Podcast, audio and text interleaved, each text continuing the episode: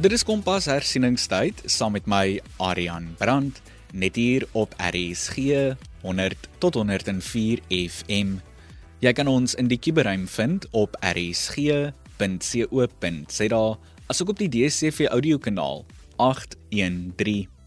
Kompas word aan jou gebring in samewerking met SABC Opvoedkunde. Ons spesiale leerder ondersteuningsreeks van April en Mei wat aangebied is in samewerking met die Wes-Kaapse Onderwysdepartement, was 'n reuse sukses, soveel so dat ons besluit het om dit vir nog 'n paar weke te hernie. Vir die volgende klompie Dinsdae en Woensdae gaan ons aan hierdie reeks werk en dan ook ons skoolleerders help met hul akademie om sodoende te verseker dat hulle slaggereed is vir wanneer hulle terugkeer skool toe. Ek hoop jou pen en notaboek is byderhand om notas te neem, want vanaand skop ons af met ekonomiese en bestuurswetenskappe oftewel EBW hersiening vir die intermediêre senior fase. Ons gaan so 'n bietjie oor finansiële geletterdheid gesels en ons fokus gaan spesifiek op krediettransaksies wees. Om ons met die hersiening te help is Antoinette Venter, die senior kurrikulumbeplanner vir ekonomiese en bestuurswetenskappe by die Wes-Kaapse Onderwysdepartement. Sy sluit by my aan via die telefoonlyn.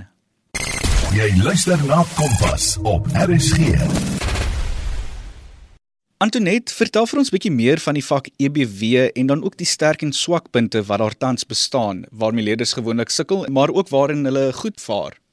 Ekonomiese en bestuurswetenskappe bestaan uit drie dissiplines, naamlik jou finansiële geletterdheid, ekonomie en entrepreneurskap wat geïntegreer is om leerders te help om ekonomies en finansiëel geletterd te raak.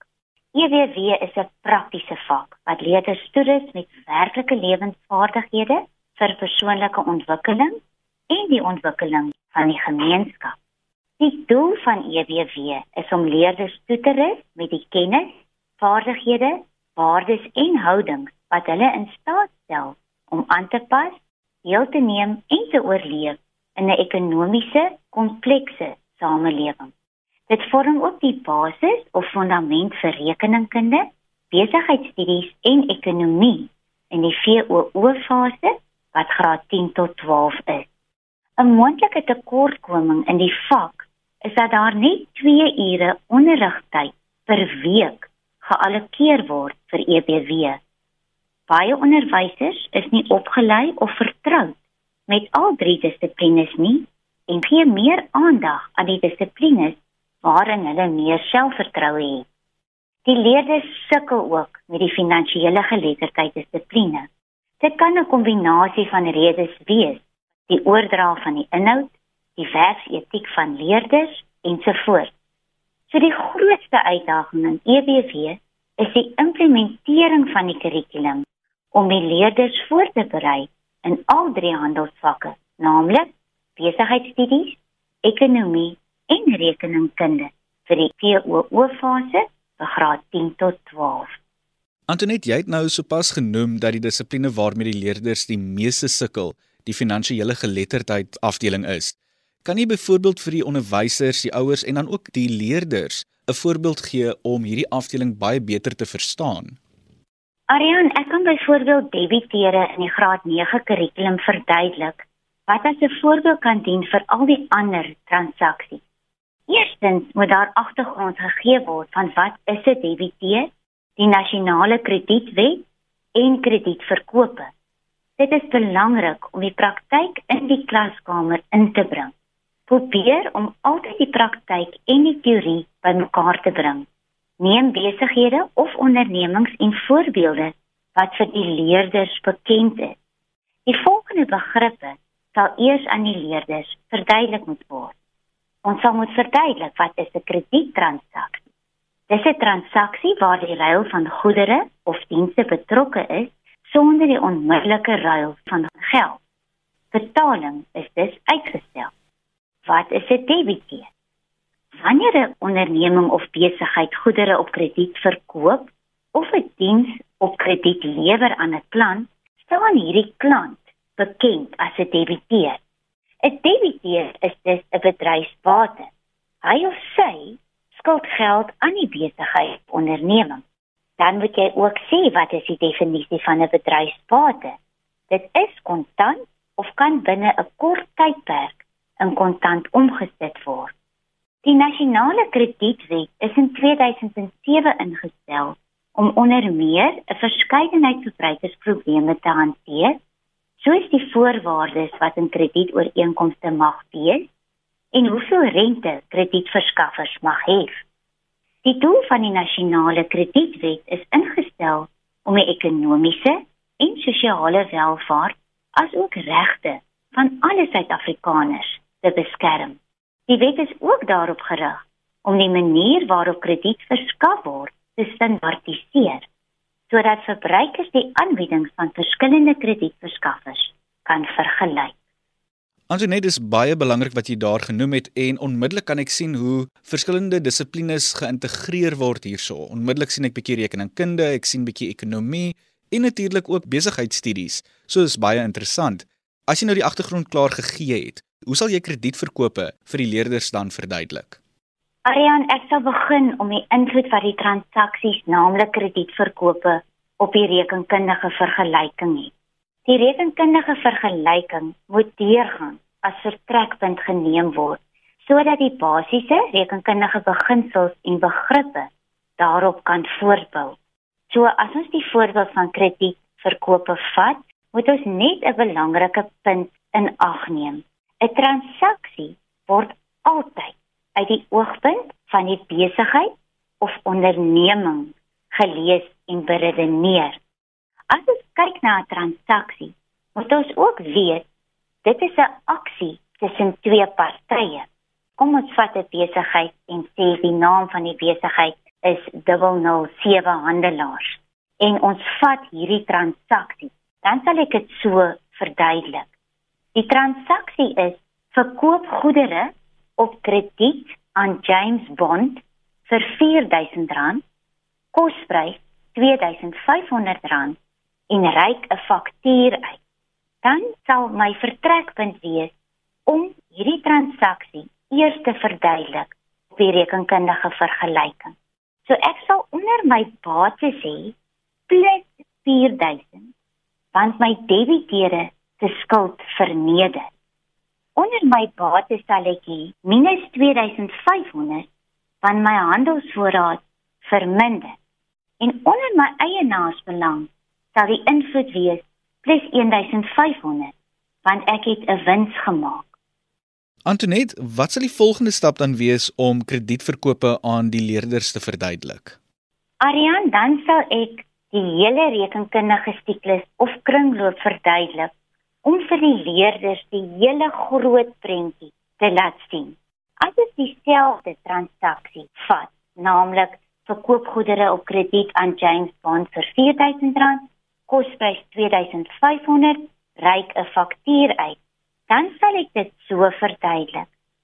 Die brondokument is 'n duplikaat faktuur omdat jy die oorspronklike faktuur vir James Bond gee en 007 handelaars Die besigheid gebruik die duplikaat faktuur as die brondokument. Die joernaal is die debiteure joernaal. In die algemene grootboek is die rekening wat jy gaan debiteer, debiteure kontrole. Die rede is dat dit 'n bedryfsbate is en dat bates vermeerder met 'n debietsinskrywing. Die debiteure kontrole rekening in die algemene grootboek is 'n opsomming van al die debiteure se persoonlike rekeninge wat in die debiteure grootboek gehou word. Die rekening wat ons gaan krediteer is verkope omdat dit 'n inkomste is en inkomste rekeninge vermeerder met 'n kredietsinskrywing. Die bedrag is die verkoopprys, naamlik R4000. Maar dan is ons nie klaar nie. Dan is daar ook 'n kosprys. So die rekening wat ons dan gaan debiteer is koste van verkope omdat dit soos 'n uitgawe is. Die rekening wat ons gaan krediteer is handelsvoorraad. Hoekom gaan ons handelsvoorraad krediteer? Handelsvoorraad is ook 'n bedryfsbasis, maar dit verminder want ons het dit nie meer nie. Ons het dit verkoop en die bedrag is R2500. Dis baie interessant Antonet en natuurlik is dit so belangrik om daardie hele rekeningkundige siklus soos jy genoem het te onthou en te memoriseer en natuurlik daai belangrike punt wat jy ook vroeër genoem het as ons 'n transaksie aanteken word dit altyd gedoen uit die oogpunt van die onderneming of die besigheid. Dink jy die manier hoe jy die transaksie verduidelik het kan toegepas word op al die ander tipes transaksies? Arian, verseker, dit kan toegepas word op al die transaksies. In graad 7 moet die onderwysers die rekenkundige begrippe met die leerders behandel en verduidelik, want dit vorm die basis. Dan in die hoërskool is dit baie belangrik dat die leerders die rekenkundige begrippe of konsepte onder die knie het. In graad 8 kan al die kontantontvangste en kontantbetalingstransaksies van 'n diensonderneming so verduidelik word. In graad 9 die transaksies van 'n handelsonderneming sowel as debiteure en krediteure. As die leerders die invloed van die onderskeie transaksies op die rekenkundige vergelyking verstaan en kan doen, as ook die rekenkundige kringloop op siklus wat bestaan uit jou brondokumente, joernale, grootboek en proefbalans. As hulle dit kan doen en verstaan, sal die leerder gereed wees om rekeningkunde as 'n vak in graad 10 te kan kies. Absoluut, want natuurlik soos jy genoem het, word daai fondasie al gelê in die laer grade. En as jy nie daardie kennis het nie, dan gaan jy baie sukkel met rekeningkunde in die hoër grade, met ander woorde graad 10 en op. Antonet, as die inhoud verduidelik is, hoe kan die onderwyser of die ouer dan seker maak dat die leerder dit verstaan? Ek weet dit is een ding om dit te verduidelik, maar dit is 'n ander ding om dit te verstaan. Verseker, finansiële geletterdheid of rekeningkunde is van so 'n aard dat die leerders dit moet verstaan en getrou inoefen. Die onderwyser se verantwoordelikheid is om die inhoud aan die leerders te verduidelik. Die leerder se verantwoordelikheid is om op te let in die klas of as die leerder by die huis is, die voorbeelde deur te gaan. Maar dan moet die leerder die aktiwiteite of oefeninge doen om dit in te oefen en te verstaan. Die leerder moet ook die aktiwiteite of oefeninge merk om te sien waar daar nog aspekte is wat hy of sy nie reg gekry het nie en natuurlik om dan die foute reg te maak. As die leerder dit self kan doen op sy of haar eie, dan verstaan die leerder die inhoud en sal die leerder in staat wees om dit in 'n assessering te kan doen. Absoluut so belangrik soos ek genoem het. Een ding om te verduidelik, maar 'n ander ding om dit te verstaan en te snap. Antonet om op te som, hoe kan finansiële geletterdheid makliker vir onderwysers en dan ook leerders gemaak word? Arian, die onderwysers moet probeer om die praktyk en die teorie bymekaar te bring. En hoe hulle dit kan doen is om voorbeelde te gebruik wat vir die leerders bekend is en deel vorm van hulle verwysingsraamwerk. Die leerders moet die basiese rekeningkundige begrippe of konsepte baie goed ken. Hulle sê ook rekeningkunde is die taal van die sakewêreld. So die leerders moet weet wat is 'n bate, las en eienaarsbelang, want dit vorm die basis van 'n rekeningkunde. Vra altyd hoekom, waarom, want dit gee konteks en versterk die betekenis van al die konsepte. 'n Bietjie raad, begin in graad 8 eers met bates en eienaarsbelang van die rekenkundige vergelyking. En dan in graad 9 kan laste bykom wanneer krediteure behandel word. Veral in finansiële geletterdheid, soos jy ook genoem het, moet die basis stewig gelê word in graad 7 tot 9, want ons moet daarop kan bou in rekeningkunde in graad 10 tot 12. Die rekenkundige vergelyking moet as vertrekpunt vir onderrig gebruik word. Dan kan die rekenkundige kringloop verduidelik word naamlik die brondokumente, joernale, oorboeking, saldering en proefbalans, doen baie aktiwiteite of oefeninge. Oefen, oefen, oefen. Om ook die onderwyser en die leerders te help, gebruik template of werkboeke vir die joernale en grootboeke, want dit spaar baie tyd en dit help ook die leerders om hulle voor te berei vir toetse en eksamens wat op antwoordblaaie gedoen word. En dan Ariane, iets waaroor ek nogal baie sterk voel, is bly weg om resepte of onthoublokkies vir leerders te leer. Daar is net die volgende reëls wat die leerders moet ken. En dit is nodig sodat hulle weet watter rekening in die grootboek hulle moet debiteer en wat hulle moet krediteer. Die reëls is: bates vermeerder met 'n debietinskryfing en verminder met 'n kredietinskryfing. Laste vermeerder met 'n kredietinskryfing en verminder met 'n debietinskryfing. Eienaarsbelang vermeerder met 'n kredietinskryfing en verminder met 'n debietinskryfing.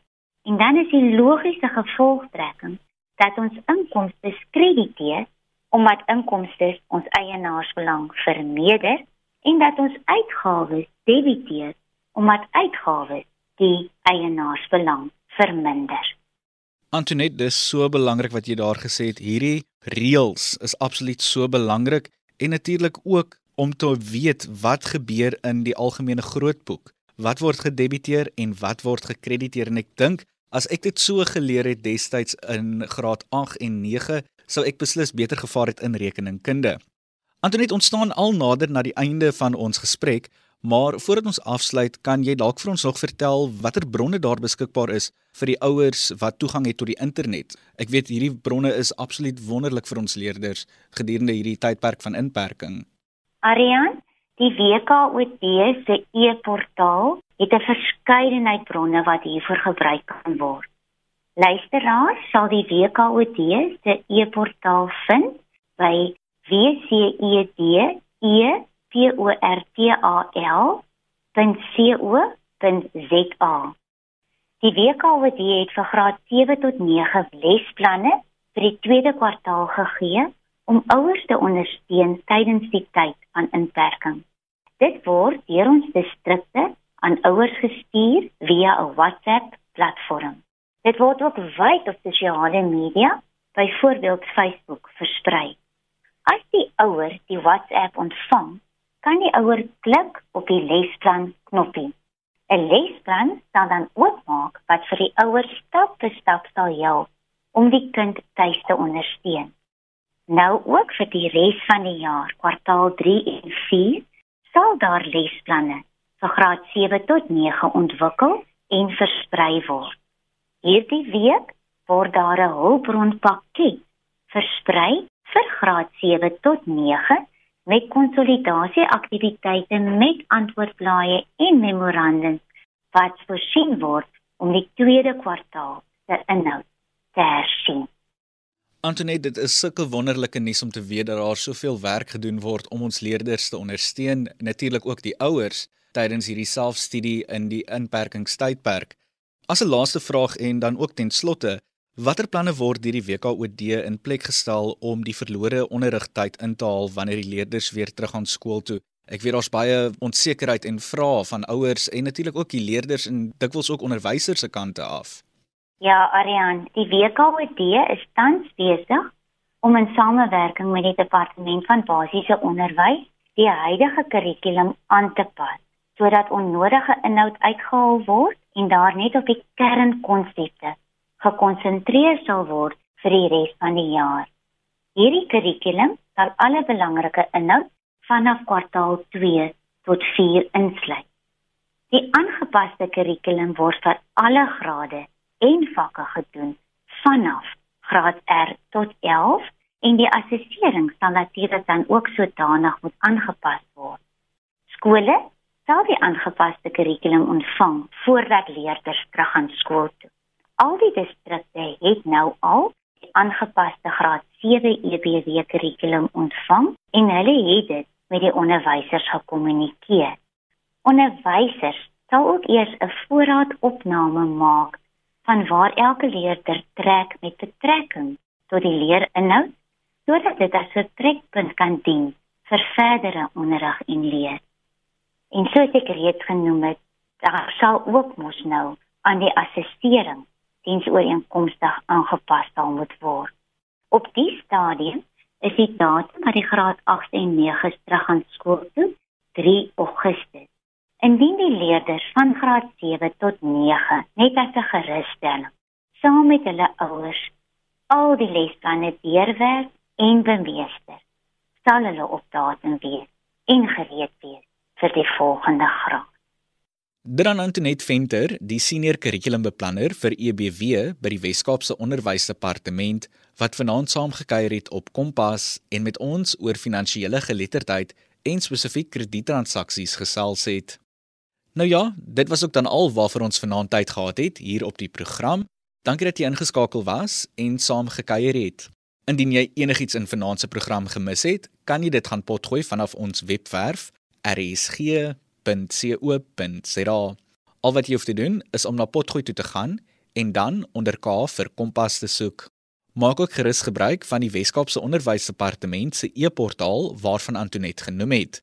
Jy kan hulle besoek op wcedeportal.co.za. Kompas is aan jou gebring in samewerking met SABC Opvoedkunde.